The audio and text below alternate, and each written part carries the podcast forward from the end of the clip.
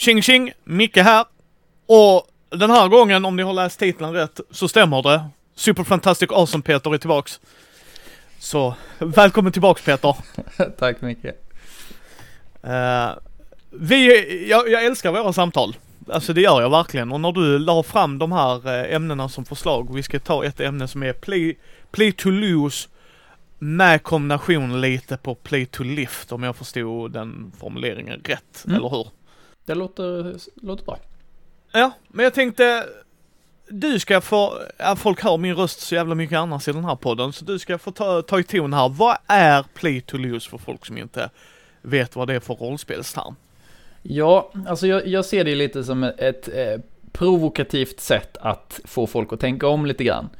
Det finns ju i traditionella rollspel lite av en tendens, eh, eller någon underförstådd mening, att man som spelare ska försöka klara sig så långt som möjligt och eh, klara äventyret. Det... Alltså ifall man har ett äventyr som är farligt, som har fullt med eh, fällor och farliga monster och sådär, där det är stor chans att rollpersonerna dör, så är det fullt, fullt rimligt att man har den här Eh, lite beskyddande eh, framtoningen där man försöker att se till att ens karaktär överlever så länge som möjligt. För annars får man ju inte uppleva hela äventyret. Och jag kan tänka, och jag kan själv tycka att det blir lite antiklimaktiskt eh, när man är ute på något äventyr och sen så råkar man snubbla i någon spikfälla och sen så tog det slut där. Och det, det är väl de situationerna, eh, de här onödiga dödsfallen som man vill försöka undvika.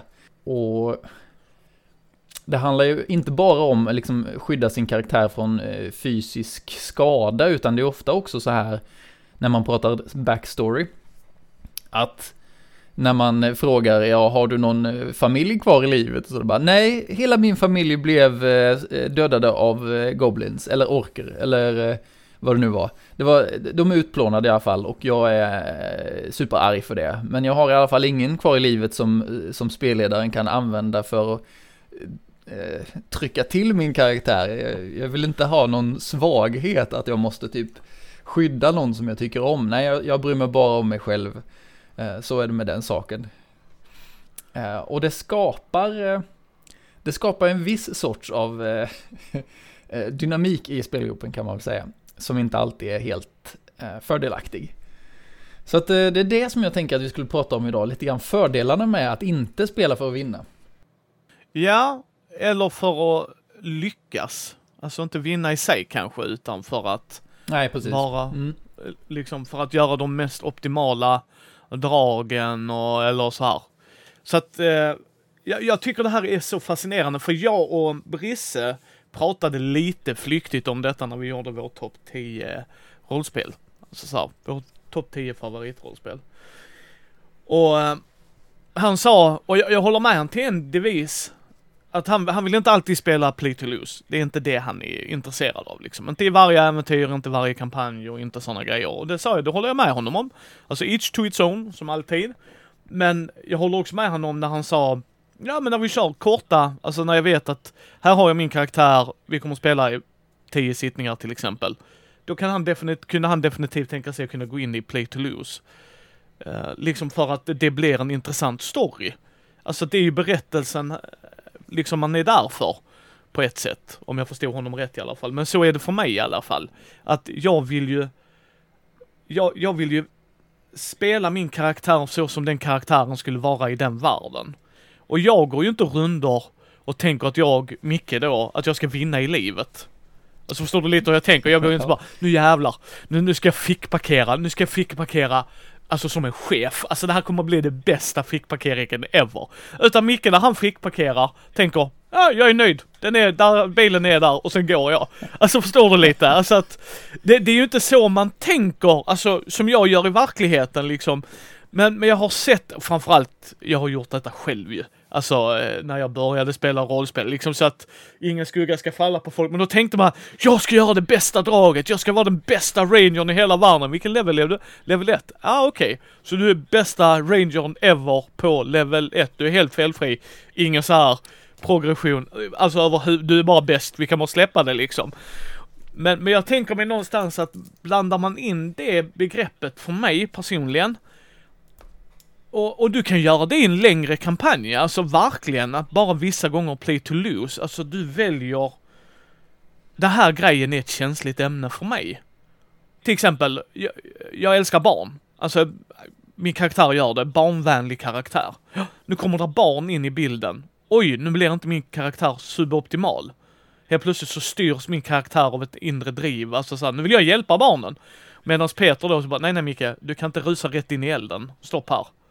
Alltså, du, du kommer inte tjäna, jo jo men det gör jag. Det är förenklat det här såklart, men liksom förstår du vad jag menar lite att så i den kampanjen man kör kan du fortfarande köra play to lose i vissa stycken eller i vissa delar beroende på hur du väljer att lägga fram det till din spelledare, Mm. till exempel. Jag tror att eh, det är precis eh, den här på något sätt förutfattade meningen om vad play to lose är som gör att många ställer sig lite frågande och, och aversa inför det här begreppet. Men vad då ska jag, ska jag bara liksom begå självmord eller vad det är frågan om? Eh, men som jag ser det så handlar det egentligen om ett tankesätt. Det var, vi, vi var inne på det lite grann förra gången när vi eh, när vi pratade nybörjar, eh, nybörjaringångar till rollspel. Men det här med suboptimala val. Och det är precis där som jag på något sätt tycker att play to lose kärna är. Att du tar inte, eh, du gör inte alltid optimala val. För att ifall du hela tiden söker efter det optimala valet så kommer du att eh, spela på ett ett försiktigt, lite beskyddande sätt. Du kommer inte utsätta dig för faror. Och det som det i längden leder till är att du målar ut dig ur berättelsen. Eh, och jag tycker att eh, för mig nu, jag, jag jobbar på, på ett fritids eh, och spelar rollspel med ungarna där. Och det är en spelare som alltid tar, alltså som, som spelar fullkomligt dumdristigt, alltså på ren så här självmords... Eh, ja men bara slänger sig huvud, huvudstupa in i allting. Jag säger att det, det, det hörs ett, ett konstigt eh, ljud in i skogen. Jag går dit. Eh, och, eh, så ja, det är ju mörkt. Ja, jag tänder min fackla. Ja, du, du ser att det är varelser som liksom skingrar sig när du tänder facklan ut i mörkret sådär. Okej, jag släcker facklan igen. Så, som spelledare kan det vara sjukt frustrerande, men hur som helst. Följden som jag har märkt att det får, det är ju att berättelsen fokuseras ju helt kring, kring den karaktären. Ja. Alltså, den får en skitstor betydelse i, i deras narrativ. Och jag har dessutom då märkt när jag har spelat med andra som har spelat väldigt försiktigt och väldigt eh, restriktivt. Ja, ehm, att berättelsen slutar handla om deras karaktärer. De blir helt intetsägande. De får ingen, perso- de får ingen direkt personlighet, de, eh, de blir inte viktiga för berättelsen för att det finns inga hooks.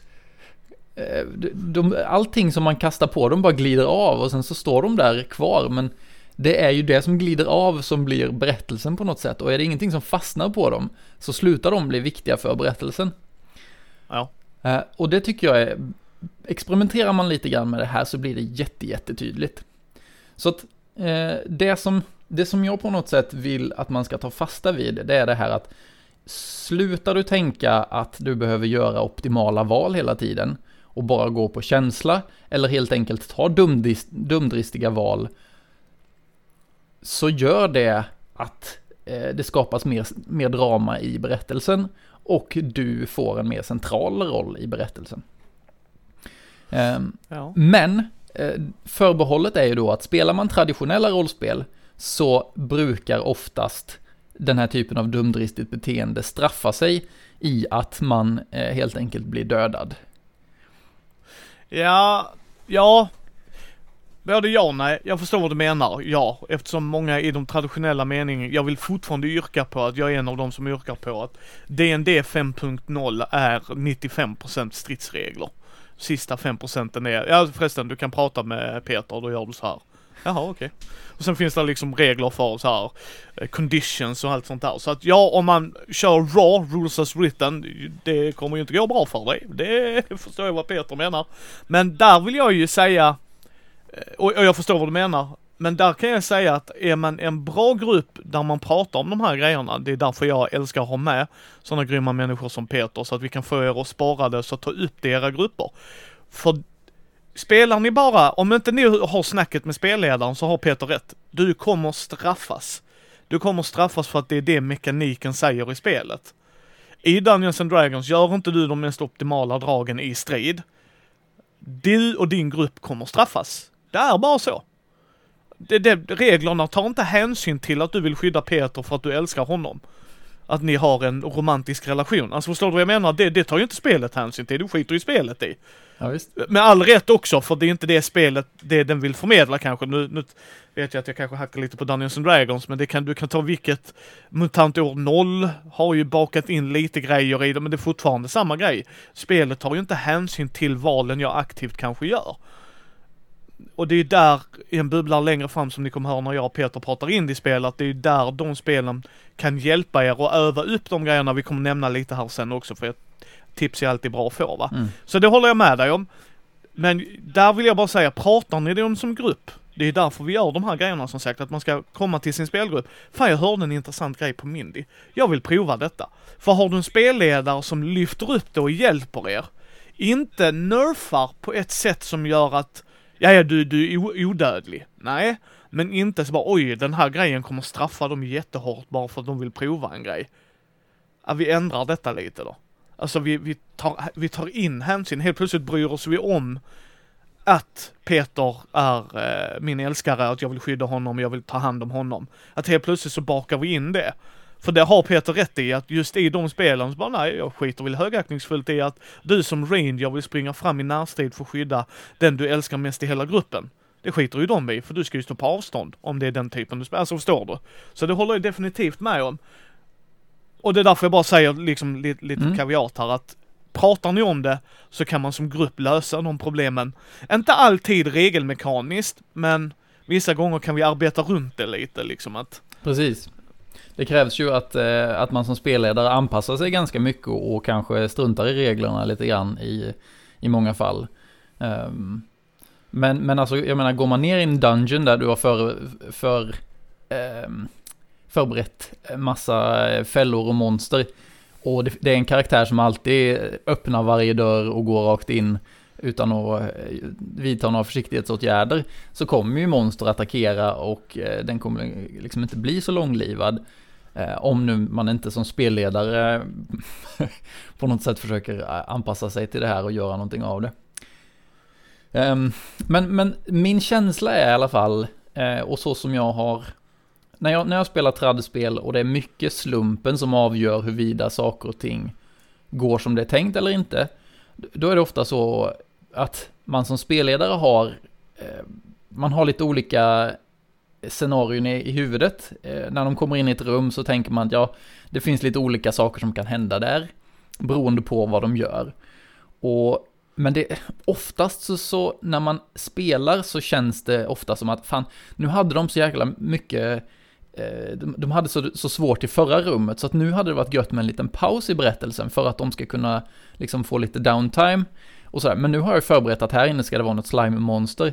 Någon, och så, eh, det blir ganska slumpmässigt huruvida storyn blir bra eller inte.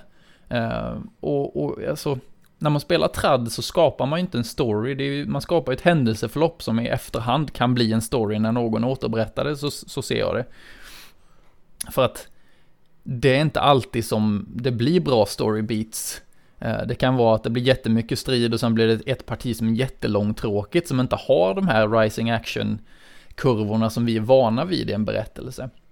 Eh, många andra indiespel, de lägger ju mycket mer, de har ju mekaniker som på något sätt ser till att det alltid blir de här kurvorna. Eh, och att spelarna är med på det. Så att man på något sätt hjälps åt att skapa de här. Ehm, men hur som helst så, så, så känner jag ofta som spelledare att jag skulle vilja att jag fick välja vad det var som hände istället för att låta slumpen avgöra. Eh, vi, vi har spelat Dungeon World nu med eh, ett, par, eh, ett gäng ungdomar nu två, två fredagar. Och ja, vi, vi har haft något liksom D20-system Och de har haft sån jävla otur med slagen. Båda de gångerna har de bara misslyckats och misslyckats och misslyckats. Och jag kände som spelare, fan det här är ju inte kul för dem att aldrig komma vidare. För nu, förra gången så, så kom de ingen vart för att då höll de på att bli mosade av någon eh, mumie. Och sen det här eh, partiet så, upp, så hände samma sak igen. Det blir på något sätt för, ja men det blev för slumpmässigt. Jag vill, eh, jag har ju en känsla för vad som passar. Så att det är helt enkelt där som jag menar att eh, det här med, med spel som uppmuntrar till suboptimala val som skapar drama och character arcs som du var inne på. Alltså att man börjar kanske som en lite tafflig person och sen så blir man en, en, en bättre person på något vis, vad det nu kan ha att göra med. Det är något som är väldigt svårt att få till i tradspel.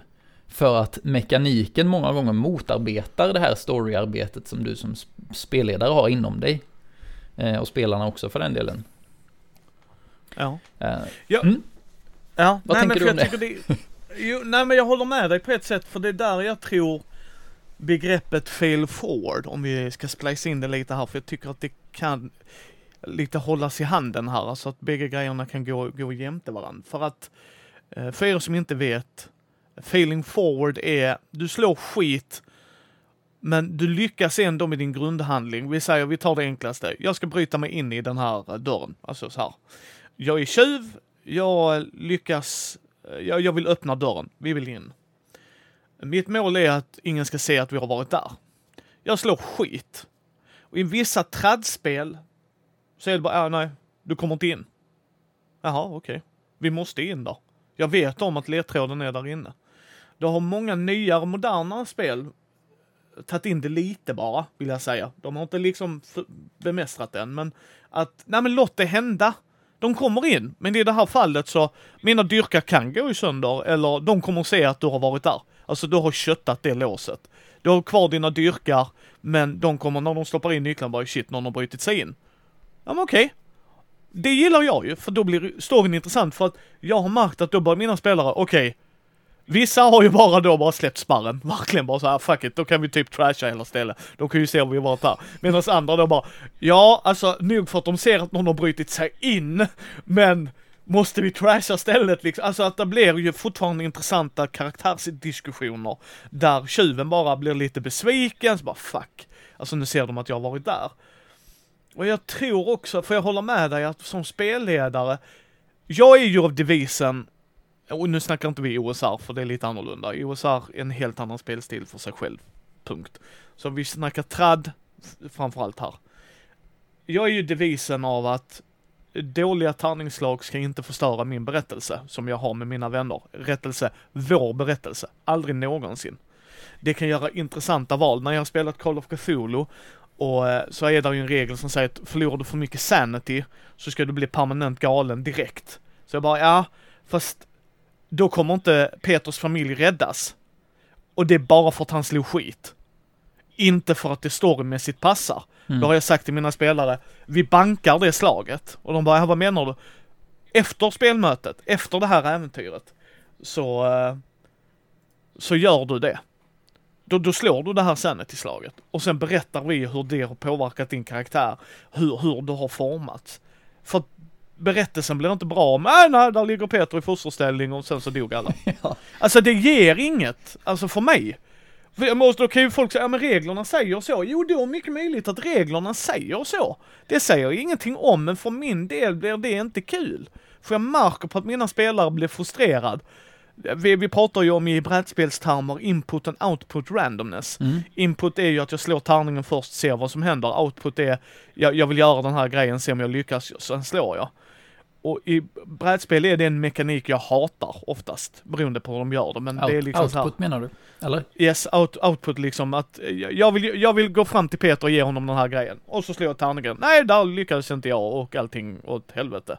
Medan input är, jag, jag, jag ser, nu rullar jag mina tärningar. Jaha, det här är vad jag uppnår. Ja men mm. okej, jag kunde inte gå till Peter, men jag kunde gå till eh, Lukas istället, eller till Kristoffer.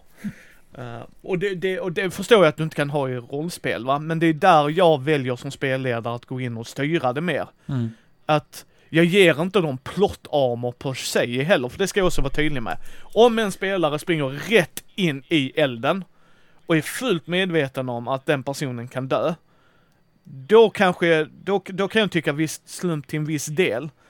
Men är det saker som jag tycker, nej men det här verkar ju vara rimligt, Peter är ju detektiv.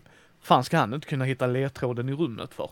Alltså det är ju jättekonstigt, så bara, ja den, den låg på bordet, ja men jag tittar inte på bordet. Nähä, vad, vad sa du du jobbar som? Vilken character arc har du? Ja, jag är typ en av stans bästa detektiver och du tittar inte under...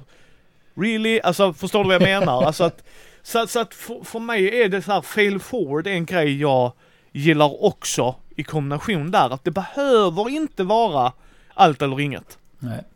Noll eller hundra. Men jag tänkte på det du sa, det här med input och output randomness. Alltså det finns, uh, det finns snack om det också. Uh, Ron Edwards har ju använt termerna fortune in the middle och fortune at the end. Och jag menar att det finns ju också någon form av fortune in the beginning. Um, och, och det, är precis, det är precis samma sak. Alltså, fortune in the beginning, fortune är ju då när du slår tärningarna i det här fallet. Eh, det är inte en superanvändbar terminologi kanske, men alltså jag, bara, jag tänker att det kan vara bra ur ett historiskt perspektiv att säga att de här sakerna har man pratat om i rollspel också. Så fortune in the beginning är att du slår dina tärningar och sen ut efter vad du fick så ser du vad du har för valmöjligheter. Eh, fortune in the, the end är ju det klassiska, eh, så som det är i tradspel många gånger. Du säger, du berättar, du ska gärna ha en lång utläggning om hur du gör en viss grej och berätta detaljer och sådär, för då får du lite plustärningar kanske. Eh, rule of cool och så vidare. Um, ja. Och sen så slår du slaget och sen så hade du otur och så visade det sig att hela den här grejen som du just har berättat, det hände visst inte. Utan det var något annat som hände istället. Um, du typ snubblade på ett bananskal, det måste ju ha varit det som har hänt. För jag menar, du, ja. du, du höll ju på att göra den här skitcoola grejen, så det måste ha varit något superdråpligt. Um, så att oftast så får det ju då effekten av att ens karaktär ser ganska dum och klantig ut. Vilket många spelare ja. inte gillar så himla mycket. Speciellt då inte ifall man är en level 1 ranger som man tänker ska vara Aragorn. Och som hela ja. tiden går och liksom eh, fum, gör fummelslag och skjuter sig i foten och sånt där. Det blir så jävla dumt och komiskt. Ja, eller, eller var Batman som står och lurkar i skuggorna och sen så bara, de ser dig, du står under en lampa, hur jävla smart var du? Ja. Så bara, jaha okej. Okay. så, så jag håller med där. Ja. ja. Sen finns ju också då mittenvarianten, Fortune in the middle, som är någon form, någon form av mellanting. Eh, jag brukar tänka på det som att spelaren på något sätt förmedlar sin intention med handlingen, men vi berättar inte detaljerna om det förrän vi har gjort slaget. Och det tycker jag är ett ganska bra mellanting för att det, det som, i och med att du då inte har berättat hur tillvägagångssättet har sett ut så kan du modifiera det utefter vilket slag det är. Och särskilt som spelledare är det väldigt eh, användbart att kunna säga, ja men istället för att du, eh, eh, ja vad fan kan det vara, ja men du eh, snubblar och Eh, jag vet inte, du, du ska klättra upp för en vägg och så, ja nej, du tappar fotfästet och trillar ner igen. Så kan du istället, ja, istället för att, ja men som du var inne på, fail forward, alltså att man, du misslyckas möjligtvis med det som du har tänkt dig. Uh, men det kan också vara så att du lyckas med det, men att det får en, en negativ konsekvens. Så att när du är halvvägs upp för väggen, då kommer vakterna. Uh, de börjar skjuta pilar mot dig, vad gör du nu? Så att då har man på något sätt, du har kommit längre fram, men situationen har förändrats. För det värsta ja. som kan hända i rollspel är ju att eh, du står nedanför en vägg, eh, du försöker klättra upp, du misslyckas, du kommer inte upp för väggen. Eh, eller som i ditt fall med, eh, i ditt exempel med dörren. Ni måste in i ja. det här huset, ja men dörren är låst, du får inte upp låset. Nej, vad gör vi nu då? Eh, ja. Så visst, eh, det finns ju oftast lösningar på det där, men oftast så är ju inte de lösningarna så jävla intressanta heller. Ska man då, ja, då, måste spelarna lägga en massa tid på att hitta ett annat sätt att, eh, ja men komma in i huset. Och visst, ifall man som spelgrupp då tycker att det är jävligt intressant att prata olika sätt att bryta sig in i ett hus, är det det samtalet man vill sitta och ha, så är det fine. Vill man ha stridssamtalet, man vill säga exakt var man står i förhållande till varandra, vilka vapen man använder, hur skadad man är, vart ärren går och vart, liksom, hur vapnen är trasiga och så vidare. Då kan man absolut ha det samtalet också. Men för mig så vill jag helst ha ett annat samtal vid spelbordet. Och det är därför jag försöker att ja, men spola förbi de här, de här grejerna som jag tycker är tråkiga. Ja, nej, men jag tycker det är jätteintressant. Precis. Ja, jag håller med dig. Håller helt med dig Peter. En, en annan grej som vi liksom angränsar till nu är ju lite grann eh, det här eh, improv... Eh, improv... Eh, improv-termen yes and.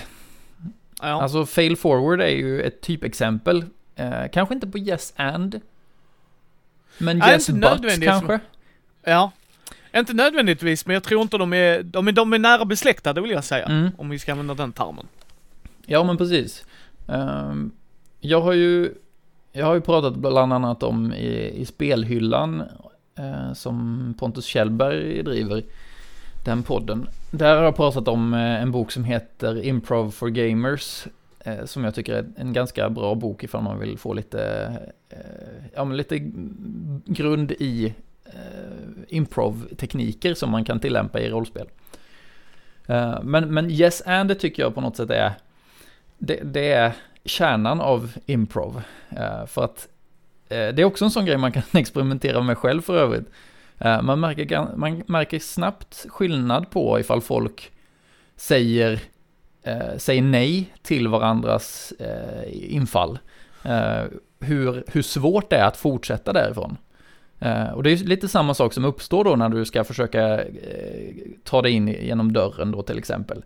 Och så slår du tärningarna och så blir det ett nej. Nej, eh, då måste jag tänka om. Och istället för att man då får upp lite momentum och flow i berättelsen så, så måste man hela tiden börja om och bygga upp flow från början. Eh, så att mm, yes and, för de som inte känner till begreppet, är ju helt enkelt att det är reaktionen på någons, in, det någon infogar i berättelsen. Eh, ja, ja, men det kan vara så enkelt som att jag är en, jag är en alv med en pilbåge. Ja, det är du. Och eh, jag, ja men då, då är jag Gimli liksom. ja, att man bygger, bygger på det som, man accepterar det som någon annan lägger in och man bygger vidare på det.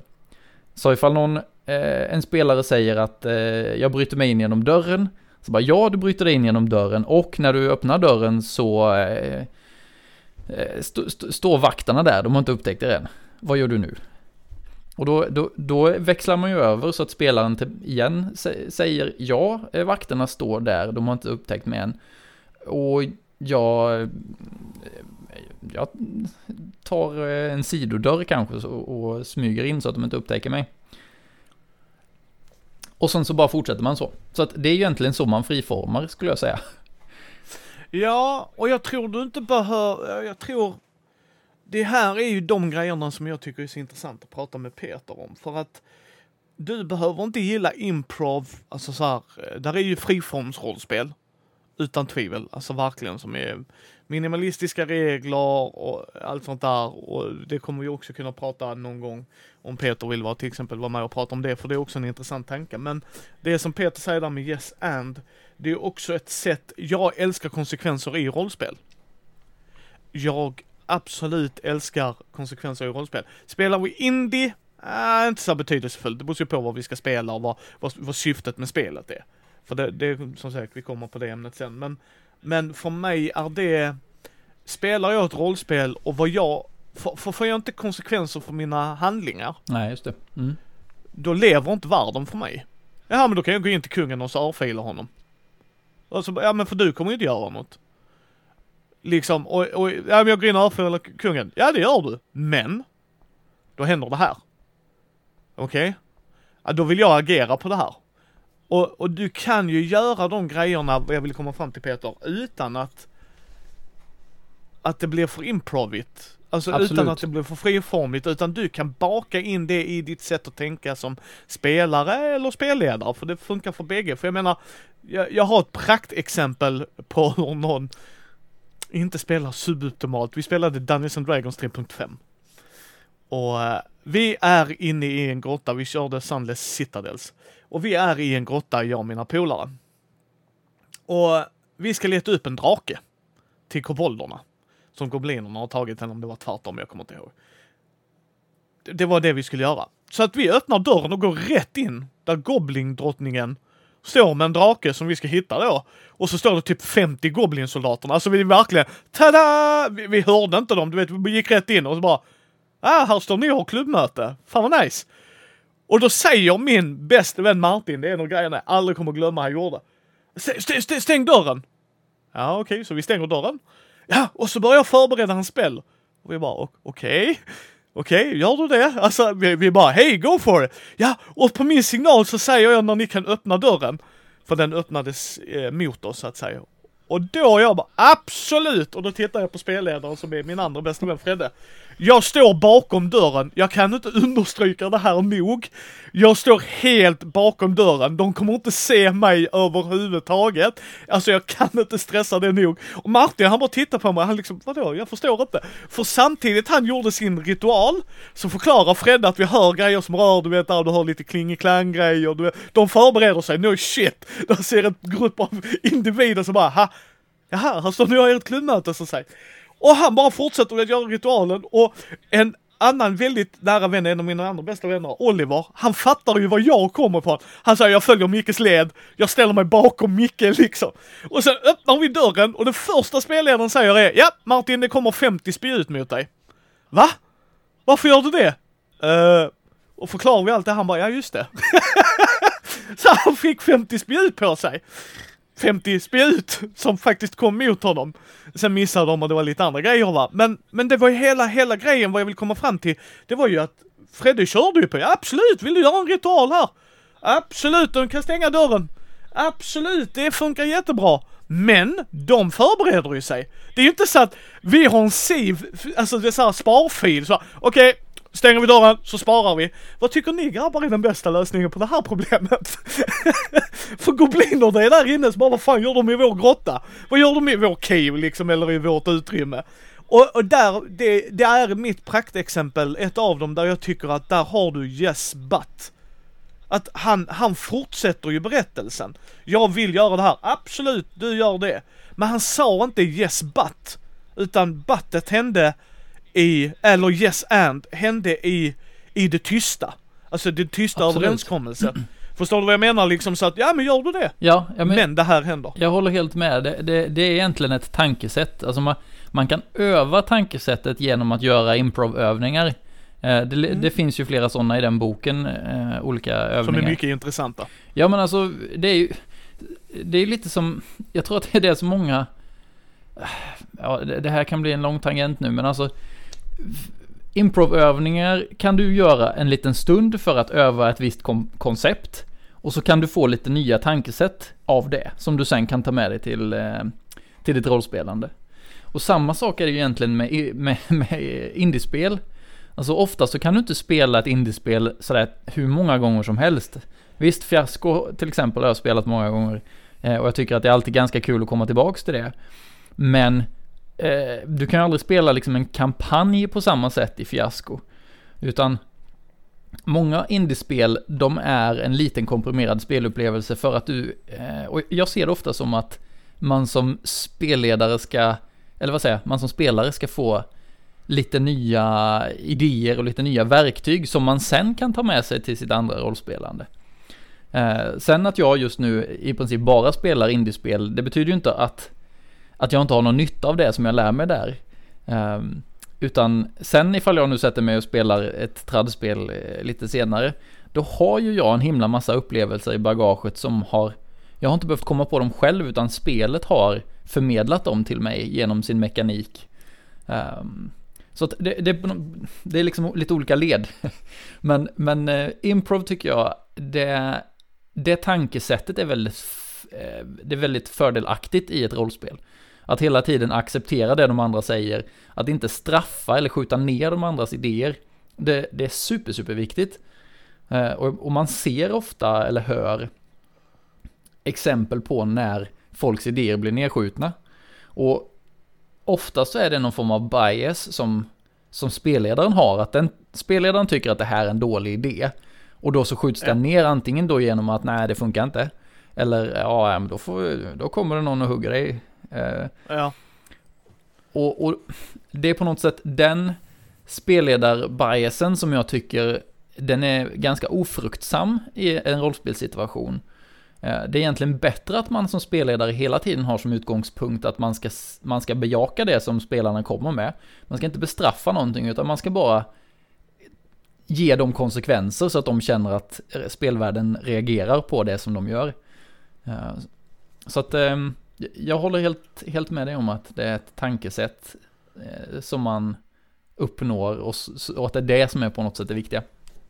Ja, och sen gillar jag vad du kom in på där att det är nog den största, eller nej inte den, men en av de största grejerna med indiespel. Att spelar du indiespel, ta fiasko. Fiasko är fantastisk för vad du vill göra. Alltså verkligen. Jag, jag ska säga, jag... Det är ett bra sätt att öva play to lose. ja, men även yes and. Ja, just det.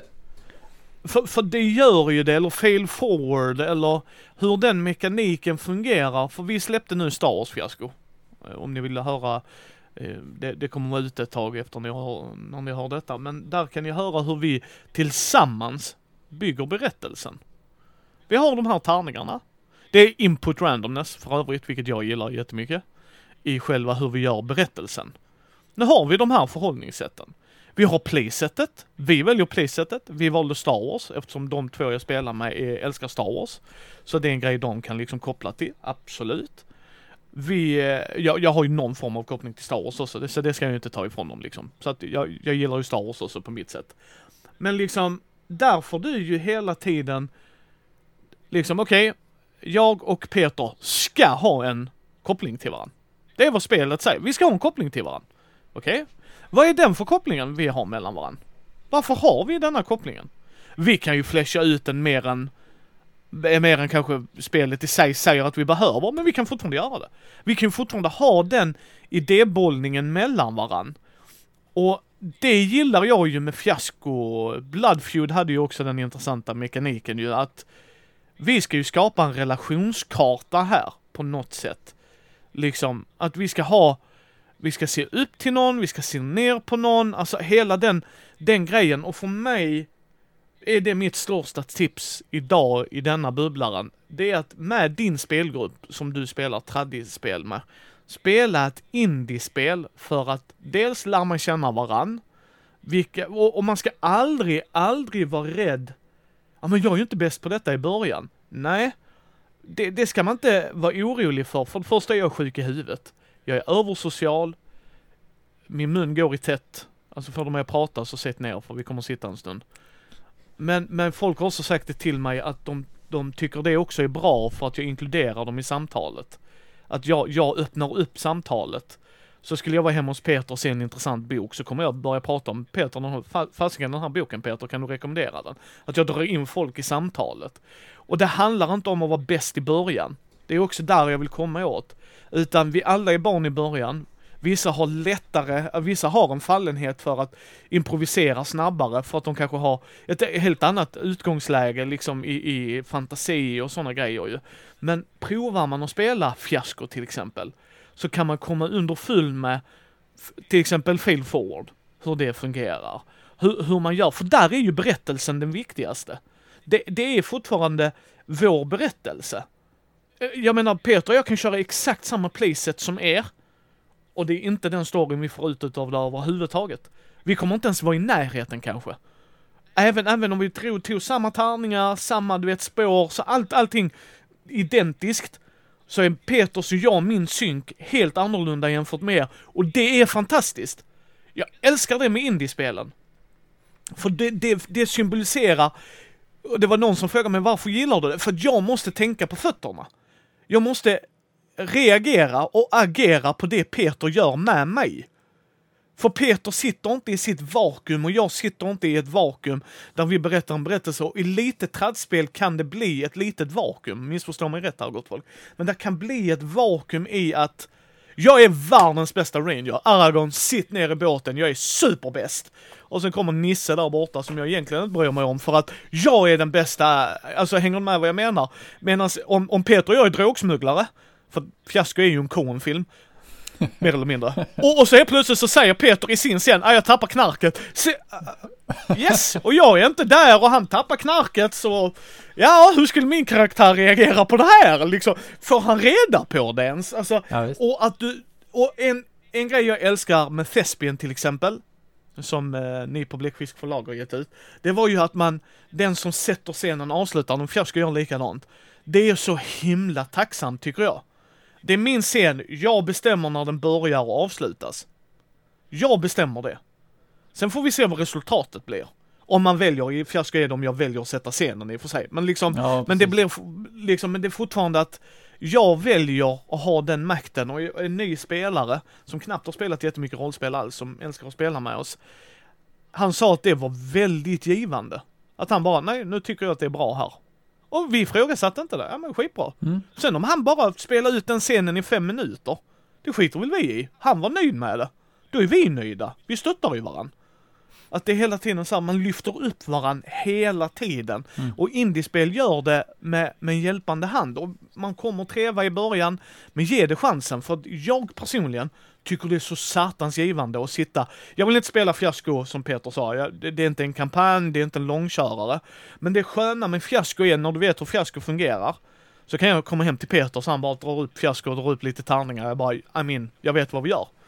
Direkt vet jag vad vi gör. Jag vet redan vad premissen är. Vi ska göra en skön berättelse på en kort tidsspann. Mm. Mellan två och tre timmar beroende på hur många man är ju. Så att tipset är där, gå in där och utforska de spelen. Och vissa spel är bättre på andra grejer som till exempel Fiasko är fail forward. Googla runder lite. Vi vill åt den här mekaniken. Vi- Var, var kan jag få tag på det? Alltså förstår du lite hur jag tänker Peter? Ja. Vilket spel kan hjälpa oss att öva på den här biten? Ja, ja men eh, jag, jag ser det också som så att eh, indiespel är bra för att komma ut lite ur de här underförstådda eh, metoderna som man använder när man spelar tradspel. Alltså bara en sån sak som att man inte spelar ut allt. Som att man inte behöver säga vad fan man gör under tiden, vad som händer under natten, när man sover, när man går och lägger sig. Alltså, vi spelar inte ut hela de här personernas eh, det som de upplever, utan vi hoppar till det som är intressant. Och att man då, i jämförelse med ett tradspel, så kanske man på tre timmar kan få ut, eh, ja men säg en timme där det är riktigt, riktigt intressant det som händer. Sen är det massa liksom, det är transportsträckor och det är inventory management och det är massa annan tid som läggs då åt eh, olika saker som inte är det kanske som man tycker är mest intressant om man nu är en sån som verkligen gillar eh, själva berättelsen. Och spelar man då fiasko så då upptäcker man ju ganska snabbt att eh, oj, just det, jag behöver inte fundera på vad, när de går och lägger sig eller vad de äter till kvällsmat eller vad de, hur mycket, vilka kläder de har eller vilken utrustning. Man behöver inte tänka på någonting sånt utan nu så bara okej, då ska vi hoppa fram när, när det är intressant eh, igen. Ja, det kanske är Ja men väl dagen efter då när jag, när jag kommer fram. Eller, och, och jag, jag är fortfarande lite fast i det här att en scen börjar när jag kommer fram till, till ett ställe eller sådär. Men det Ja. går ju, det är som, som finns i den här um, improvboken också. Uh, alltså du kan ju prova någon gång att börja en scen mitt i, i ett samtal. Så bara, var har du pengarna? Ja. Där har vi början på scenen. Eh, prova det och se vad det, hur det känns, för att det känns väldigt olika. Eh, och skapar väldigt olika... Ja, men det, det, är nog, det är nog känslan som påverkas mest. Eh, Ja. mm. Nej men jag tycker det är ett bra verktyg. För det är det jag ser indiespel som. Mm. Att det är ett nöje men det är också ett bra verktyg. Att lära sig som du sa liksom att jag ser traddfilmer, eller inte, förlåt traddfilmer. Jag ser, jag tre, ser traddspel som jag ser, du vet såhär gammal film eller så här hur Hollywood alltid gör det. Hänger du med vad jag menar? Ja, visst. Hjälten ska alltid lyftas upp, det är alltid det här som händer. En Marvel-film. Ja men till exempel, medans jag ser indiefilmerna som, ja någon som gör en film som bara, jag bryr mig inte om vad Hollywood säger, det här är min story. Ja men det blir inget lyckligt slut. Nej, och det här är min story Ark. Att det är det det handlar om, liksom att bara för att du är hjälten måste du vara godhjärtad hela tiden. Alltså måste du vara stoisk, måste du vara felfri. Alltså alla de sakerna när man provar lite indiespel, till exempel i Bloodfeud. Som var sjukt roligt att få spela med dig och Kristoffer. Eh, Och vi har fått väldigt mycket positiv feedback på det också ska jag säga. Ja, kul. Ja, och det är där det intressanta för mig är att där spelar jag ett rövhål. I Mickes mening. Alltså i, mi- i mina ögon. Men, men Torolf jag spelar anser ju inte sig vara själv ett rövel. Det är ju inte så han vaknar "Ah, jag ska vara riktigt dick idag. Ah! Utan nej, han går ju runt med sina beliefs. Han gör ju sitt liv och, och sådana saker.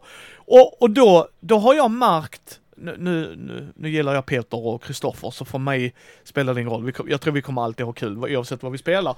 Men jag har märkt på mina andra spelare att det är premissen det här. Det här är vad vi förhåller oss till. Då släpper då deras hämningar. Ja. Ja men okej, jag, jag ska vara mullimansgris. Det är vad spelet säger till mig att jag ska vara. Då provar vi. Förstår du vad jag menar liksom? Alltså att då, då säger liksom, då hjälper spelet dig och håller dig i handen att det här är vad vi vill utöva. Ja.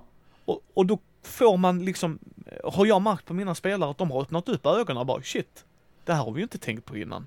Men det, jag, jag tänker att det, det är väl nog också för att man så tydligt eh, att man bryter den här väggen mellan spelaren, eller rättare sagt, man, man behåller väggen mellan spelaren och karaktären.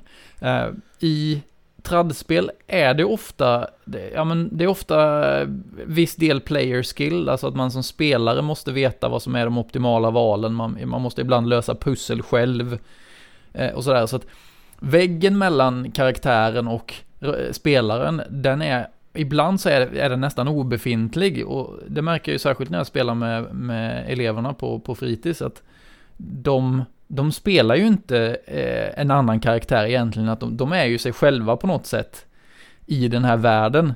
Eh, ja men det är som en avatar i, i ett datorspel, alltså det, visst det är en, den ser inte ut som jag gör, men det är jag som interagerar med spelvärlden genom den här figuren. Och när man då börjar eh, spela upp lite problematiska beteenden i tradspel ehm, så kan det lätt vara Alltså, det kan bli lite olustigt i och med att det är lite oklart vad som är spelaren och vad som är karaktären. Eh, vilket, vilket jag tror gör att i, ja, och särskilt då i, i spel där man ska samarbeta eh, för att uppnå ett gemensamt mål. Eh, det har jag märkt i den här eh, Dungeon World-kampanjen som vi spelar då. Att eh, de som har Evil som alignment, de gör ju en massa eh, alltså dumma grejer. Och det är alltid lite så här, är det spe- varför gör spelaren så här? Så vi känner inte varandra så där superväl heller. Så ibland kan man undra, alltså, vad, vilket konstigt sätt att bete sig på nu. Nu gjorde den så där, så, eller sa det där. Och sen så glömmer man bort, nej just det, den har evil alignment, det är därför hen gör så. Mm. Ja, nej, jag vill bara fylla i där också att det är också så intressant det med just att man är evil. Att vad det är ondska. Alltså det, det samtalet i gruppen också bara för att liksom, för mig de bästa skurkarna kaninöron, Mm.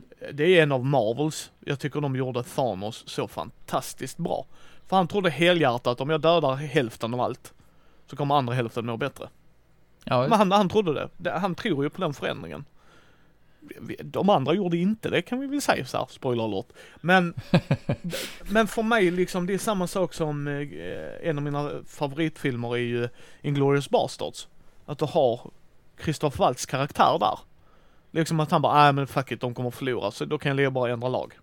Alltså att det är ju också det som är så intressant, liksom som du säger, varför gör de de valen? Ja men jag är ond. Okej. V- Vilken ondska spelar vi på? Är du liksom eh, Ma- Magica the Häx-ond? Är du kapitalist? Guld- Nej. Ja, ja men liksom, nej men alltså för mig blir det så intressant. För de samtalen tycker jag också är intressanta. Är just när man spelar, så bara, ja men jag är ond, så okej, så, så ond är lika med asshole för dig, så att jag, jag vet var, var vi har varandra. För att då, då kommer inte de andra tycka att det är kul. Så bara, haha jag är ond så därför får inte Peter något te. Så bara, ja okej, okej, så kan man ju också spela ju. Men, men för min del är det ju mer, jag är ond så därför vid rätt tillfälle så kommer jag bara lämna gruppen. Så bara, jag tänker ju inte dö för er, hej då. Okej, nu blir det intressant. Nu blir det ju, Ja, okej, visst. det är så han...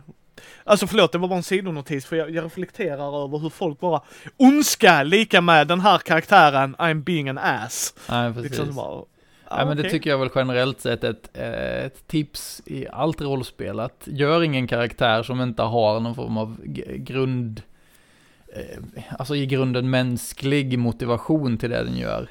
Eller så, det måste finnas någon form av relaterbar motivation. Ja men som Thanos till exempel. Eh, men det kan ju också vara, Eh, alltså jag tänker alla sådana här skurkar eller eh, evil villains som man gör i eh, sina rollspelsscenarion. Där är ju på något sätt alltid Sauron förebilden. Eh, nej, men, ja, ja, ja. ja.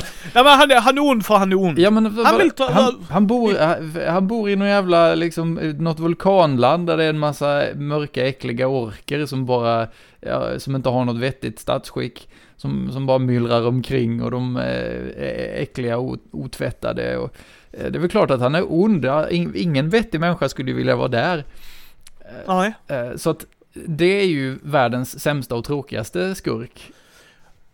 För, för jag menar, min favoritskurk är Jokern. Dels för att jag är ett Batman-fan. Mm. Men, men Jokern, om man läser det, fastnar inte vid filmerna bara.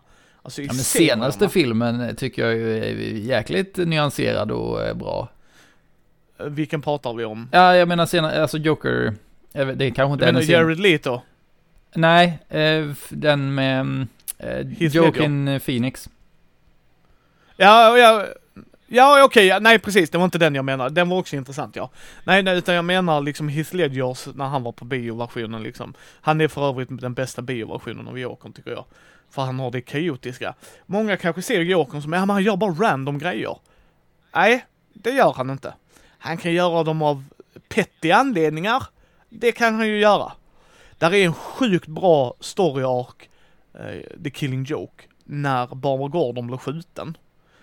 Uh, och så får han frågan varför. Jo, för det albumet handlar ju om att han ska knäcka James Gordon. James Gordon, Commissioner Gordon, är ju den godhjärtade killen som ser ljuset i tunneln och allt det där. Så vad vill Jokern göra? Jo, han vill bryta honom. Så hur gör han det? Jo, han skjuter hans dotter och fotar henne i obekväma situationer och tar med han på en sån psykedelisk, alltså den är jättemörk berättelsen, jag ser hur du reagerar Peter. men, men vad jag menar är att där har man jokern, som är, men varför gör han så här? Det här är ju bara random. Nej! För han vill visa folk, it only takes a bad day till att knäcka någon. Det krävs bara en dålig dag, jag ska bevisa det för er. Och för mig blir det också så nyanserat att han sitter ju inte där så här med sitt mörka torn bara Nu är jag jätteond utan han bara Nu vill jag visa en poäng här och hur ska jag visa den för någon? Jo, och sen har han ju inga sparrar överhuvudtaget. Så, så någon annan jävel kanske hade tänkt här, ska vi diskutera den här grejen och du vet bolla fram, han fuck it, jag, jag, jag är praktiker inte teoretiker. Så nu kör vi. Och, och för mig är det sånt så här inspiration överlag och det är där jag tror indiespel kan komma och hjälpa en att här är premissen. Oh, nu slog det mig Peter. Jag skulle vilja spela, jag måste googla det och se om jag hittar ett indiespel där man spelar superskurkar. Det hade varit så jävla awesome. Vad, vad, vad är det du vill göra? Varför vill du göra det? Och hur ska du gå tillväga? Nej. Och nu sitter du i så här, du vet, Injustice Gang när Jokern och Lex Luthor alla sitter med varandra. Så hur löser vi det? Fy fan, ja. jag måste googla det. Jag tror, jag, jag, jag, jag, jag övertygad om att det finns. Eh, det, yes. det jag kommer att tänka på nu är ett spel som heter My Life with Master där man spelar undersåtar till någon sån här oh. överhärskare som man sen då till slut störtar, om jag minns, fel, minns spelet rätt. Uh, jag har aldrig kommit till att spela det, men jag tycker premissen verkar skitspännande. Att man har den här tudelade relationen till sin mästare yes. då. Ja, yes. Det är inte riktigt det du pratar om, men... Uh... Nej, förlåt, det var ett sidospår, men jag tyckte det var in intressant. Jag måste googla detta. Mm. Det var ju en sjukt intressant idé. ja, ja, absolut. Um, en sak som vi har, som vi tänkte att vi skulle prata om och som vi inte har kommit till än. Um, som jag, jag, tror egentligen inte att det är uh, jättemycket att prata om, men jag, jag tycker det är viktigt att, att, lyfta i ordets dubbla bemärkelse. Uh, det finns ett koncept som är på något sätt en, eh, en spin-off till det här play to lose-konceptet, som heter play to lift. Uh, och det är väl det är väl Nordic LARP-scenen eh, som har myntat de här begreppen tror jag. Eh, men det är ju också ett verktyg för att skapa drama. Alltså, och också ett verktyg för att sluta tänka på sin egen karaktär och skydda den. Så ser man sin egen karaktär som en supporting actor till de andra eh, karaktärerna. Så att när man är i en scen med dem så, så är ditt mål som spelare att lyfta deras karaktärer upp i rampljuset, förstärka deras, eh, ja vad de nu har för quirks. Eh, har de någon hemlighet som behöver, eh, som, de in, som inte har kommit fram i berättelsen, så kan man försöka hjälpa till att skapa situationer där det blir coolt att de kommer fram. Och så vidare. Uh, uh, så det, det är, uh, de har, de har um, förklarat det som play to let others win vilket, ja. är, vilket är ganska, ja men precis, det är liksom en fortsättning på konceptet. Ja, ja men jag tycker det, jag tycker det är lika viktigt. För eh, någonstans landar jag i, och jag har sagt detta så många gånger i podden och jag kommer fortsätta säga det. Rollspel är mer intimt. På det sättet att i, i ett brädspel så kan jag spela och jag kan göra min grej och i vissa spel påverkas det överhuvudtaget inte att Peter sitter ens bredvid mig och andra påverkas det mer. Men efter den grejen kan jag bara gå, Peter var en dick, nu bryr jag mig inte. Nu, nu, jag behöver inte spela brädspel med honom mer. Nu tror inte jag så i fallet, för jag gillar Peter. Men det kan ju vara det. Du har, I inte, spelat, rollspel... du har inte spelat brädspel med mig. Skitdålig förlorare.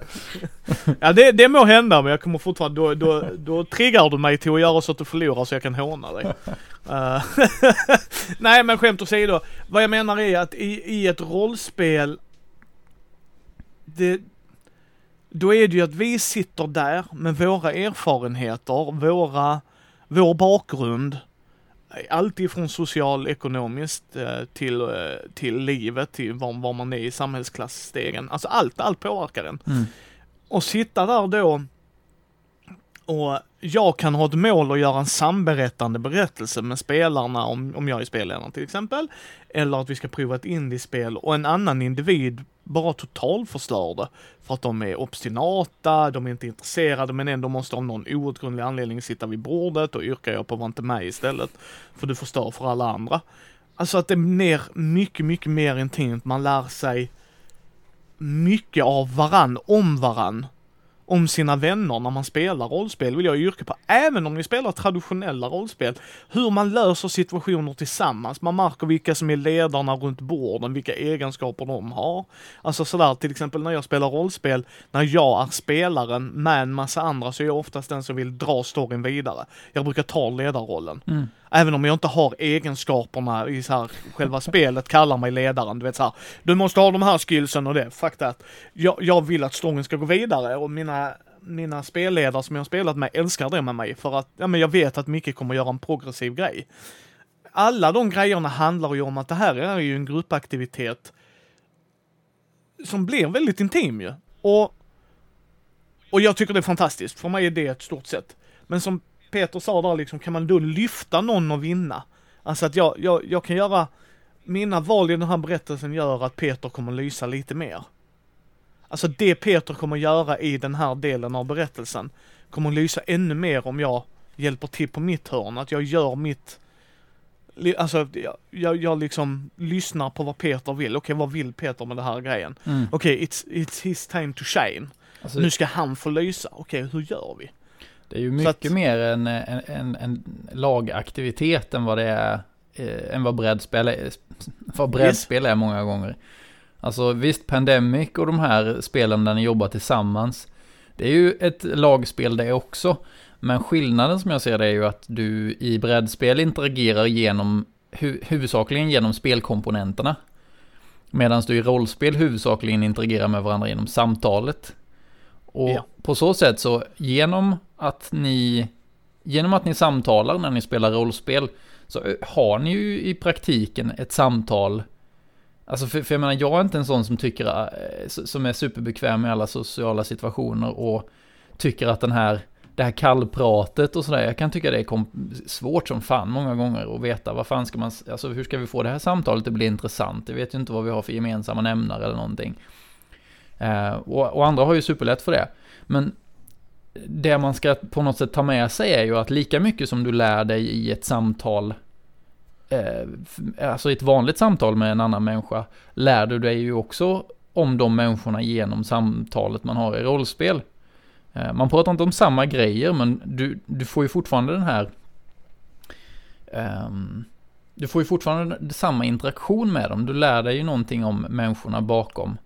På ett sätt som du inte gör i, ja men säg, eh, jag har spelat mycket Magic the Gathering, eh, spelat mycket, ja men spelat lite turneringar och sådär. Alltså när du sitter och spelar med någon där, då lär dig inte ett skit om den människan. Eh, det är liksom, ja, anfaller. Du behöver inte ens säga det, för du ser ju vilka du tappar. Alltså, ja. det, och man säger ju inte ens liksom din tur, att man knackar i bordet. Alltså det, det är ju verkligen, man ska ha så lite eh, personlig interaktion som möjligt med den andra. För att man inte ska behöva utsätta sig, för att man inte ska behöva vara socialt sårbar, är min, eh, min lite analys av det hela. Så att eh, rollspel är, eh, är bra för många saker. Ja, jag, jag tror rollspel är en bra mekanisk motor att lära, lära en person, som jag pratade om detta när jag var på fackutbildning mm. och sa det att rollspel har hjälpt mig att förstå andra människor. Jag behöver inte hålla med dem. Man, man måste särskilja på förstå och hålla med. Mm, absolut. De två begreppen. Men, men det har gjort att när jag har kommit in i diskussioner med en individ som blir arg och får deeskalera det liksom bara stoppa, stoppa, stoppa. Vad pratar du om? Jag tror vi pratar om två helt olika grejer här. Och då visar det sig att ja, vi är inte ens på samma sida om det begreppet vi pratar om. För att vi har två helt olika erfarenheter. Och det har rollspel hjälpt mig fantastiskt mycket med, liksom att kunna ta de diskussionerna. Och inte att det blir en konflikt utan bara, ja så kan man ju också tänka av helt naturliga och förståeliga skäl. Och den andra personen då när man berättar, ja men jag kommer ifrån det här, jaha, jaha, ja ja, ja men okej, nu är jag med igen. Alltså att vi, vi ser samma bit av paj men vi har två olika ingångssätt till pajbiten. ja. Ja men liksom att jag gillar degen och du gillar frukten. om det är en fruktpaj. ja, ja men så förstår du liksom. Alltså att liksom, jag tror vi diskuterar samma grej här fast från olika håll. Alltså förstår du? Och det är ett fantastiskt bra verktyg. Till exempel att play to lose, fail forward. Att det, det, det händer ju i livet när vi lever våra liv. Absolut. Uh, shit vad jag, nu när du säger det, jag har inte tänkt på så mycket, men det var ju också ett sätt för mig. Jag tyckte ju, när jag började spela rollspel tyckte jag det var skitjobbigt att det inte fanns någon save-knapp. Så som det fanns i alla andra spel som jag har spelat. Ja men så här, tänk om det går dåligt nu då? Alltså tänk om jag nu inte lyckas när jag ska smyga förbi vakten, fan då har jag förstört allting. Och bara komma ur det tankesättet, det gjorde ju mig mer eh, förberedd för att möta livet i övrigt. Eh, så att eh, det finns absolut mycket att lära sig där. Helt klart. Ja, men jag tror vi kan ju bara avrunda lite här ja, eller jag. Jag tycker faktiskt att jag har uh, fått pratat av mig uh, ja. kring detta. Det var roligt. Ja, nej men det är det alltid Peter. Det är alltid, jag bara väntar tills den här pandemiskiten är över så vi kan träffas face to face. Antingen över en fika eller på ett konvent och bara stå och snacka allmänt trevligt gött snack. Det vore nice. Men eh, ni hittar ju Peters grejer på um, Bläckfisk förlags hemsida. Alla de grejerna kommer vara i show notesen. Där lägger de upp intressanta grejer. Eh, så man kan ta en titt på. kom lite nytt material från mig nu faktiskt. Eh, jag vet inte när det här avsnittet kommer ut, det kanske redan ligger uppe, men eh, ta en kik på Bläckfisk hemsida så ligger det kanske någonting du inte har sett innan. Ja, ja men det tycker jag. Ja, som vanligt, ni hittar oss på mini.nu, Mindys bräd och rollspelspodd på Facebook, Twitter, Instagram, YouTube. Vill ni stötta oss, ta en titt på vår Patreon. Gå gärna in och ge oss ett betyg på iTunes eller på vår Facebook-sida så fler kan hitta oss. Så hörs vi nästa gång.